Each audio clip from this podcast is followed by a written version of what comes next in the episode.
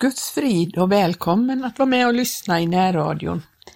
Jag heter Gertrud Johansson och idag vill jag fortsätta att läsa ur den bok som jag började med förra tillfället här.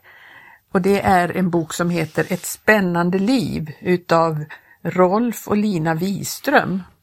Jag tycker de har så friska vittnesbörd i sin bok och det kan vara till trostärkande och upplyftande att höra deras vittnesbörd om vad de har varit med om. Jag fortsätter att läsa ur kapitel 2, mitt i kapitlet där vi slutade förra gången. Jag tycker det är så gripande med dessa gamla, sa Lina. Tänk så mycket de får uppleva av Gud. Man kunde rent mänskligt tänka att det vore viktigare att ungdomen fick uppleva sådana under än dessa gamla som ändå inte har så långt kvar. Men Gud har nog en särskild omsorg om dessa trogna bönesjälar som bär församlingen i sina böner. De har levt ett helt liv med Gud och de känner Guds ord och löften och de har tro. Gud ärar dem och vi ska ära dem. Tänk på den gamla kvinnan du mötte utanför Philadelphia i Stockholm. Jag satt just och tänkte på henne. Jag hade varit inne i Philadelphias bokhandel och gick bort för att hämta min cykel. Då kom en gammal kvinna småspringande efter mig uppför det lilla gatumotet. Jag måste få hälsa på broder, sade hon och hela hennes ansikte strålade. Det var så roligt att hälsa på den gamla lyckliga systern. Hon kom från bönemötet och hade tydligen mött Gud. Jag tänkte gå vidare men då frågade hon, men känner inte broder igen mig? Jag såg noga på henne och tyckte nog att jag hade sett det ansiktet förr men kunde inte i hastigheten lokalisera det. Det var ju på ett eftermiddagsmöte i den långa kampanjen då broder var här hos oss. Nu minns väl pastorn. Det var jag som var så sjuk att jag nästan inte kunde stå. Jag hade astma och hjärtfel och det pep och skrek när jag andades och hjärtat orkade inte mera. Läkarna kunde inte hjälpa mig, men Gud hjälpte. Medan hon talade klarnade minnet. Det var efter ett förmiddagsmöte. Jag hade talat med och bett för ett trettiotal människor med alla slags problem. Sjukdom, synd, bundenhet, hjälplöshet. Jag var alldeles utmattad av att koncentrera mig på varje nytt problem och att försöka ge Guds lösning på det. Jag minns att jag hade svårt för att hålla mig på benen och ansiktena började bli otydliga som i en dimma. Då kom ännu en fram, en gammal kvinna som inte kunde gå själv. Det var en annan kvinna som höll henne under armen. Det stod där framför mig utan att säga något. Den gamla höll sig för bröstet och hade svårt för att andas. Bed för mig, viskade hon. Och jag bad. Det var ju det jag hade gjort nu under ett par timmar i ett streck. Det var bara att fortsätta. Här var det inte tid till stora förberedelser och jag hade inga krafter kvar till att tränga in på Gud för att få bönesvar. Jag la bara mina händer på det gamla huvudet med det tunna grå håret. Då skedde något som jag sällan har varit med om. Den gamla ryckte till som om hon hade fått en stark elektrisk ström genom kroppen. Sen började hon hoppa upp och ner så fort så jag inte kunde fatta hur hon bar sig åt. Åh Jesus, Jesus, Jesus, käre Jesus, ropade hon. Hon dör, tänkte jag. Hon dör här i armarna på mig. Hon har hjärtfel och astma. Hon klarar inte det här. Hon dör, käre Gud. Jag la händerna på hennes axlar och formligen tryckte ner henne mot golvet. Äntligen stod hon stilla. Hon vacklade hit och dit så jag måste hålla henne så att hon inte skulle falla omkull. Åh, det var det starkaste jag känt i hela mitt liv, sa hon. Och ära, halleluja, nu gjorde Gud mig frisk. Hon andades djupt, hon klappade i händerna och prisade Gud och tårarna rann. Hon jublade och ville inte sluta. Om jag inte hade mött henne ett år efter skulle jag aldrig ha fått veta hur det gick med henne. Ja, jag blev frisk, jag, förklarade hon, och frisk har jag varit sedan dess. Jag springer i trappor och arbetar tungt och hjärtat slår så fint och lugnt. Det gick på en enda gång det, men så var det ström på också. Oj, oj, oj. Jag trodde det bar iväg rätt upp med detsamma. Hade inte broder hållit igen så tror jag inte jag hade stannat kvar. Förresten var det nog nära på att broder hade åkt med. Vi stod på Rörstrandsgatan. Bilar och människor gled förbi. Folk gick ut och in i affärerna. Den gamla kvinnan och jag stod där och upplevde en helt annan värld omkring oss och inom oss. En värld i vilken Guds lagar gör människornas lagar små och otillräckliga. En värld där Guds ande lyfter människan upp på ett högre plan. En värld där Jesus är konung och herre och vi är hans ringa tjänare. En underbar värld av kärlek, glädje och frid och hälsa. Kapitel 3 Är tvivel synd? Varför får inte alla möta Gud och varför får man inte alltid möta Gud?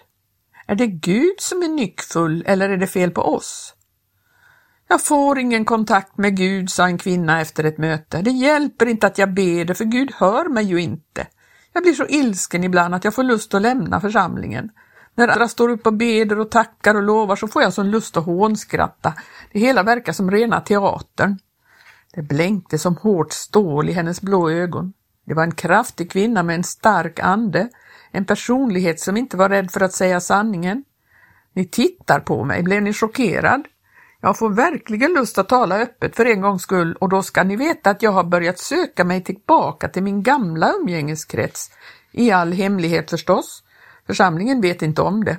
Jag har inte talat om för min make att jag var på bio häromdagen. Han skulle bli så förfärligt ledsen. Det är verkligen synd om honom att han fick en sån tvivlare som mig. Han är alltför snäll. Han bara beder och beder och gråter mycket ibland. Jag stod och undrade hur det egentligen såg ut bakom den robusta ytan. Då slog det mig att hon var fullkomligt blind. Andligt blind, hon såg inte sin verkliga synd, den synd som gjorde henne blind. Varför tiger ni? utbrast hon otåligt. Varför kan ni inte säga mig sanningen och hjälpa mig? Jag är egentligen mycket olycklig, förstår ni. Jag tänker på våra barn, hur ska det gå med dem när mor inte kan hjälpa dem andligt? Vet ni vad som är er synd? frågade jag. Jag vet att ni tycker det är synd att gå på bio, svarade hon, men vad ska man säga om alla som går omkring här och skrymtar då? Det är ert tvivel som är er synd. Det menar ni inte? Är tvivel synd? Det är det värsta jag har hört. Som om man kan hjälpa att man tvivlar. Hon skrattade kort och hårt. Bakom tvivlet ligger kritiken och bakom kritiken ligger högmodet. Det var det fräckaste jag har hört i hela mitt liv. Ni menar alltså att jag är högmodig? Ett ögonblick såg det ut som om hon hade lust att ge mig en örfil. Men i nästa ögonblick fick hon tårar i ögonen.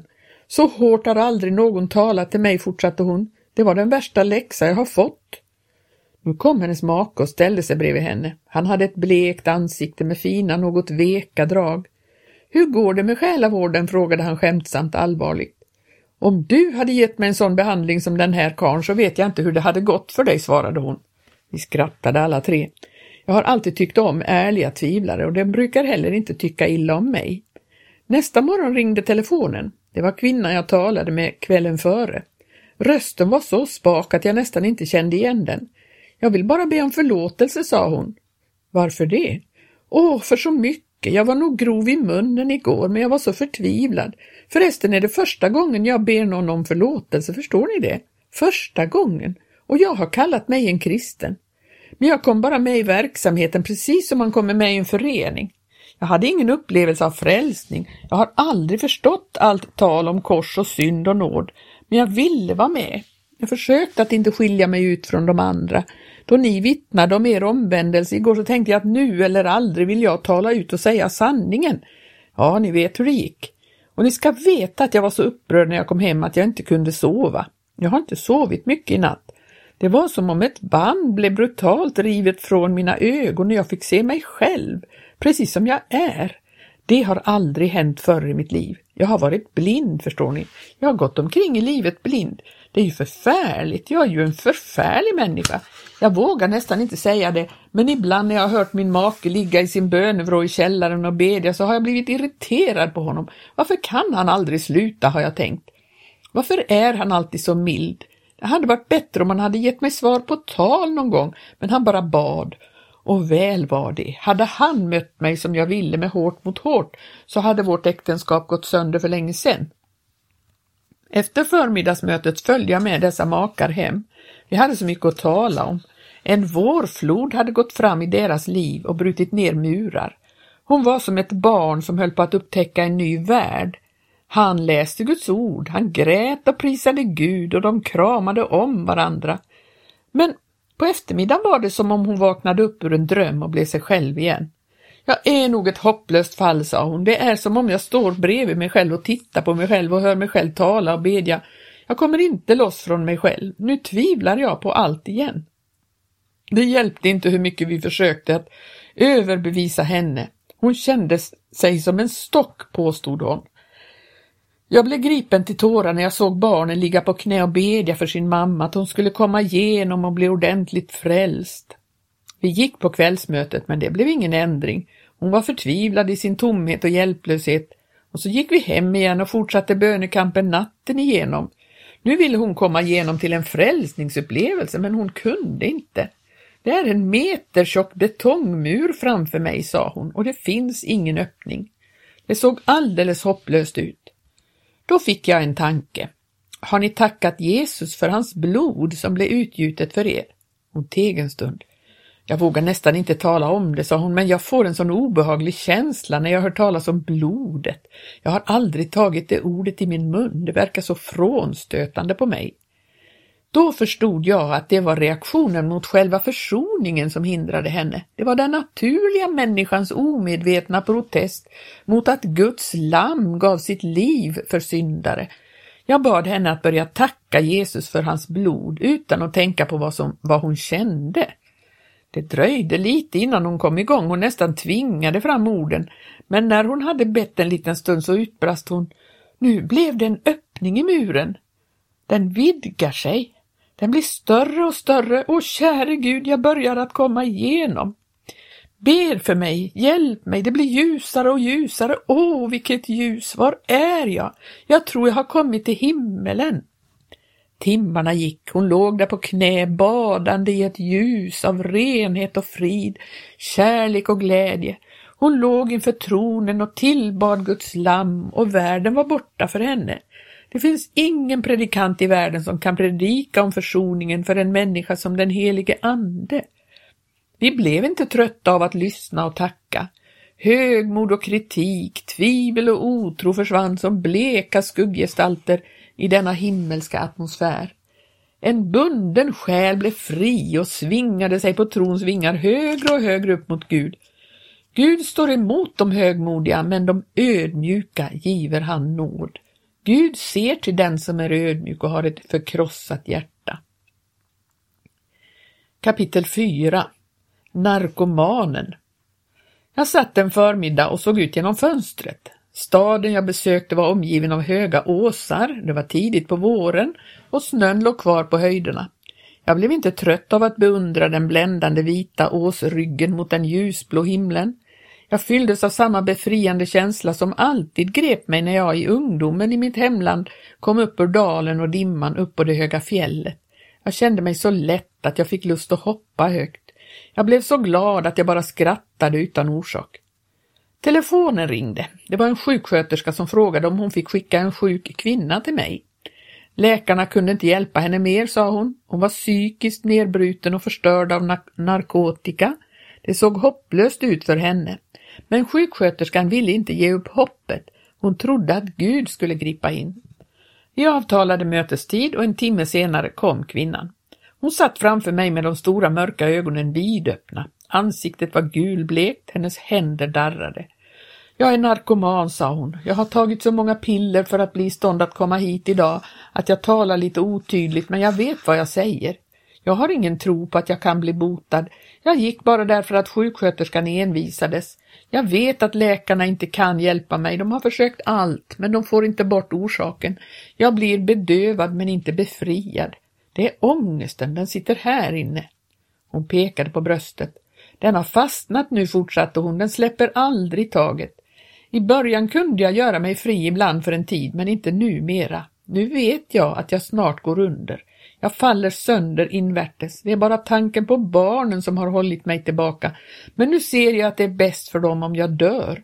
Det sista året har varit ett helvete. Jag har legat för det mesta och hemmet förfaller helt. Min make är enastående. Vi har alltid varit eh, lyckliga. Vi har två rara barn och så kom detta. Det var som att gå in i ett mörker som bara blir tätare och tätare. När jag såg henne och hörde på henne så förstod jag mycket väl läkarnas inställning. Här fanns det inget att bygga på. Det var en vrakspillra av en människa som hjälplöst drev in i det stora mörkret. Jag blev alldeles lugn. Här hjälpte det inte med psykologi. Här blev uppmuntrande ord tomma och maktlösa. Jag visste att här var det bara Gud som kunde rädda. Hon hade en sällsynt ödmjuk ande. Det var inget hårt och kallt i hennes själ. Hon sa själv att hon hade en känsla av att aldrig ha blivit vuxen, aldrig ha fått hård hud på hjärtat. Därför kunde hon inte värja sig. Allt gick rätt in i hennes själ.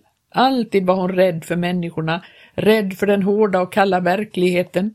Fri kände hon sig bara när hon fick spela och sjunga. När började denna ångest och hur artade den sig, frågade jag. Den började när jag var mycket liten. Jag fick en chock då mamma ville kasta sig i forsen. Jag glömmer aldrig när hon stod där och jag försökte hålla henne tillbaka med mina små händer. Jag skrek i vansinnig ångest, gör det inte mamma! Hon gjorde det inte, men jag var aldrig trygg sen. Om mamma, var, om mamma inte var inne när jag kom hem trodde jag att hon hade gått bort för att ta sitt liv. Jag blev förlamad av rädsla och jag började springa och leta efter henne. När jag blev äldre upplevde jag till min förfäran hur jag själv fick denna tanke att jag skulle ta mitt liv. Jag försökte att slå bort tanken, men den fanns där. Den följde mig som en skugga. Den kröp in i mig och gjorde mig apatisk ibland. Till slut fick den makt med mig. Det var ingen idé att kämpa emot längre. Jag visste att jag en dag skulle göra slut på mitt liv. Då började jag ta piller. Det ökade. Jag fick läkarvård. De var så skickliga och snälla, de gjorde allt för att hjälpa mig, men jag visste att inget kunde hjälpa. Jag var förutbestämd till att förkorta mitt liv. Medan hon satt och talade upplevde jag hur Gud älskade denna själ. Jag frågade henne om hon visste det, att Gud älskade henne. Hon dröjde med svaret som om hon inte vågade säga det. Ögonen blev osäkra och gled åt sidan, men då såg hon rätt på mig med sina ärliga, sin ärliga barnablick och sa jag vill säga som det är, jag har aldrig upplevt Gud riktigt. En aning av rodnad gled över hennes bleka kinder. Detta har jag aldrig sagt till någon människa för. Jag skämde så för att säga det. Jag har ju varit med i församlingen sedan jag var barn. Jag vet om allt som brukar ske på mötena. Jag har suttit och lyssnat till hundratals predikningar. Jag har varit med bland sångarna och sjungit. Ja, jag har sjungit solo också. Men innerst inne har jag varit en främling. Det är så förfärligt att säga det. Ni måste ju tro att jag är en skrymtare, men det är jag inte. Jag har alltid trott på Gud, men han är dold bakom en slöj. Jag har heller aldrig haft lust att gå ut i världen. Men hur kände ni det när ni bad eller vittnade, frågade hon. Frågade jag. Hon log ett litet generat leende. Jag hade rört vid hennes lilla hemlighet. Jag har aldrig bett eller vittnat, sa hon. Om jag hade gjort det, då hade jag varit en skrymtare. Det kunde jag inte. En gång uppmanade en predikant mig att bedja högt. Jag rusade ut. Halsen snördes igen på mig. Jag tyckte denna till synes så enkla skäl blev mer och mer komplicerad och intressant. Jag började ana vilka dolda möjligheter det fanns i denna människa. Jag förstod att Gud måste ha en särskild plan med hennes liv och att starka destruktiva krafter hade arbetat på att hindra denna själs utveckling. Hon var skapad för ljuset och blev bunden av mörkret. Om hennes själ fick vingar och blev fri skulle hon kunna bli till stor välsignelse för andra. Jag glömde den hjälplösa stackaren som satt ihopsjunken i stolen framför mig och såg en fri och glad och stark människa med en strålande klar blick stå och tala om den verkliga lyckan i livet. I samma ögonblick fick jag denna oförklarliga inre visshet att hon skulle bli fri. Jag blev så glad att jag skrattade men hon sjönk ännu mer ihop. Svettdroppar trängde fram i pannan på henne. Händerna rörde sig nervöst. Jag såg hur narkotikahungern lyste fram ur hennes ögon. Hon hade varit utan över en timme nu. Eh, jag ber om ursäkt, sa hon. Jag har redan tagit för mycket tid. Hon reste sig för att gå. Nej, men ni kom ju hit för att möta Gud, sa jag leende. Och när Gud vill möta er så ska ni väl inte springa er väg? Hon log också. Men jag har ju ingen tro, sa hon. Jag vet det, men ni kommer att få tro. Nu har ni berättat allt för mig. Detta är som hos tandläkaren. Först borrar han upp hålet i den sjuka tanden och får ut allt som är skadat. Sen ska han fylla hålet också. Har ni hört talas om någon som springer iväg när tandläkaren ska till att plombera? Då är ju det värsta gjort. Nu ska vi be till Gud, för det är bara han som kan fylla själen. Vi böjde våra knän. Hon hade inga ord, hon hade ingen tro, hon visste inte vad hon skulle säga. Till slut viskade hon Gud hjälp mig. Hennes huvud sjönk ner i hennes händer. Hon låg alldeles stilla en stund utan att säga ett ljud. Hon upplevde Gud så överväldigande att hon tyckte hon pressades till golvet av hans kraft och när hon sen började bedja var det med en annan röst. Allt eftersom hon bad lyfte hon sitt huvud högre och högre. Det var som om hon drogs upp mot himmelen av ljus och frid. Den helige Ande hade på ett oförklarligt sätt kommit in i henne. Det var Anden som bad i henne. Hon tackade Jesus för hans försoning. Hon talade som om Jesus stod framför henne. Nu var Gud inte längre gömd bakom en slöja. Han var henne nära. Han hade flyttat helt in i henne. Tack för att du har löst mig Jesus. Du såg att jag inte orkade mera. Du såg till mina barn och så kom du Jesus, älskade Jesus, underbara Jesus som kom för att sätta fångar i frihet. Tårarna bara rann ner för hennes kinder, tårar av glädje och tacksamhet. Hon reste sig, tog sig för pannan och såg förvånat på mig.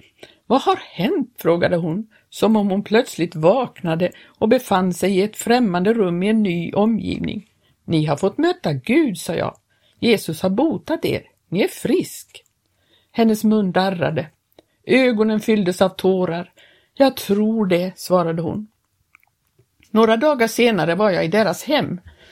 Dessa dagarna har jag arbetat mer än på många månader, sa hon. Jag har kommit tillbaka till livet. Jag går som i en dröm. När jag gick hem den dagen Gud mötte mig hade jag en underlig förnimmelse av att mina fötter inte rörde vid gatan. Jag tyckte jag gick i luften över gatan. Och när jag öppnade dörren och steg in här hemma så stod min lilla flicka och såg på mig och sa Nu är du frisk mamma, nu får jag min mamma igen. Då brast jag i gråt. Då gick det riktigt upp för mig att jag verkligen var frisk. Barnet såg det. Det är ett stort under, förklarade maken. Allt har blivit nytt. Ingen anar vad vi har genomgått det sista året. Jag var ju tvungen att gå till arbetet om morgnarna men jag visste inte om jag skulle få se henne levande när jag kom hem. Vi var förtvivlade och hjälplösa och det var ett nattsvart mörker. Till slut förlorade jag tron på att hon skulle bli frisk. Och då hon bönföll om narkotika så orkade jag inte se henne lida. Det läkarna gav henne förslog inte, förslog inte mera. Då skaffade jag henne piller bara för att hon skulle få en liten stunds lindring för sin ångest. Jag vågade knappast tro att hon verkligen var löst från pillerna, fortsatte han. Ni förstår att det inte var små doser hon tog mot slutet. Hur kändes det den första dagen, frågade jag. Jag kände mig som gelé, svarade hon och log, men det underliga var att tanken på pillerna var helt borta. Jag var löst, jag visste det, därför var jag inte rädd. Från dag till dag känner jag nya krafter växa fram i mig och så har jag fått en ny bibel. Jag har aldrig förr i mitt liv upplevt att bibeln talar direkt till mig. Jag måste hela tiden ha den framme och läsa i den. Den fyller mig med glädje och kraft och så får jag sån lust att vittna. Jag håller långa predikningar här för mig själv, sa hon skrattande. Jag som aldrig har vittnat för fort, for hon, nu har jag fått någon att något att vittna om. Jag har mött Gud och han frälste mig från döden, han drog mig upp ur mörkret, han satte mina fötter på en klippa. Ja, nu börjar jag vittna igen. Jag tror ni ska vittna, sa jag. Hon har redan börjat, sa maken. Det har kommit så mycket folk hit, grannar, bekanta, obekanta. De måste se henne och höra på henne. När hon kunde bli frisk, säger de, då är ju allting möjligt och på min arbetsplats kom alla och frågade om hur det hade gått till. De har ju vetat hur förtvivlat vi har haft det. De undrade om den där pastorn var en ny helbrägdagörare. Men då förklarade jag för dem att han bara en vanlig människa. Det var inte han som gjorde henne frisk, det var Gud. Och då sa de alla, det måste vara Gud. Människor kan inte göra sådana under. En kväll senare stod dessa makar på estraden i den stora vackra pingstkyrkan. Många sträckte på halsen och tittade som om de inte trodde sina ögon. Är det verkligen hon? Hon var ju så sjuk, det fanns ju inget hopp. Hon sjöng en sång. Maken ackompanjerade på gitarr.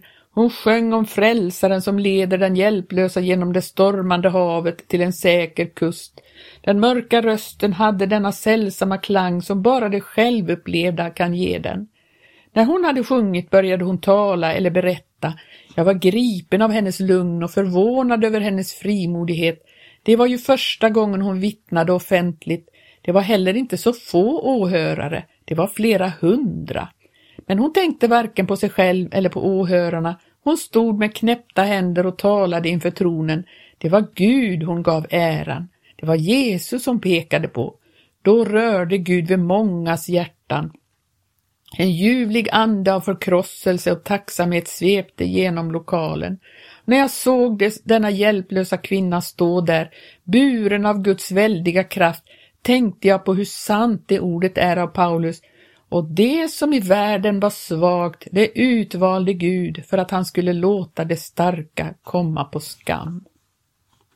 Vi stannar där för denna gång och så kommer vi att läsa fortsättning i den här boken nästa gång.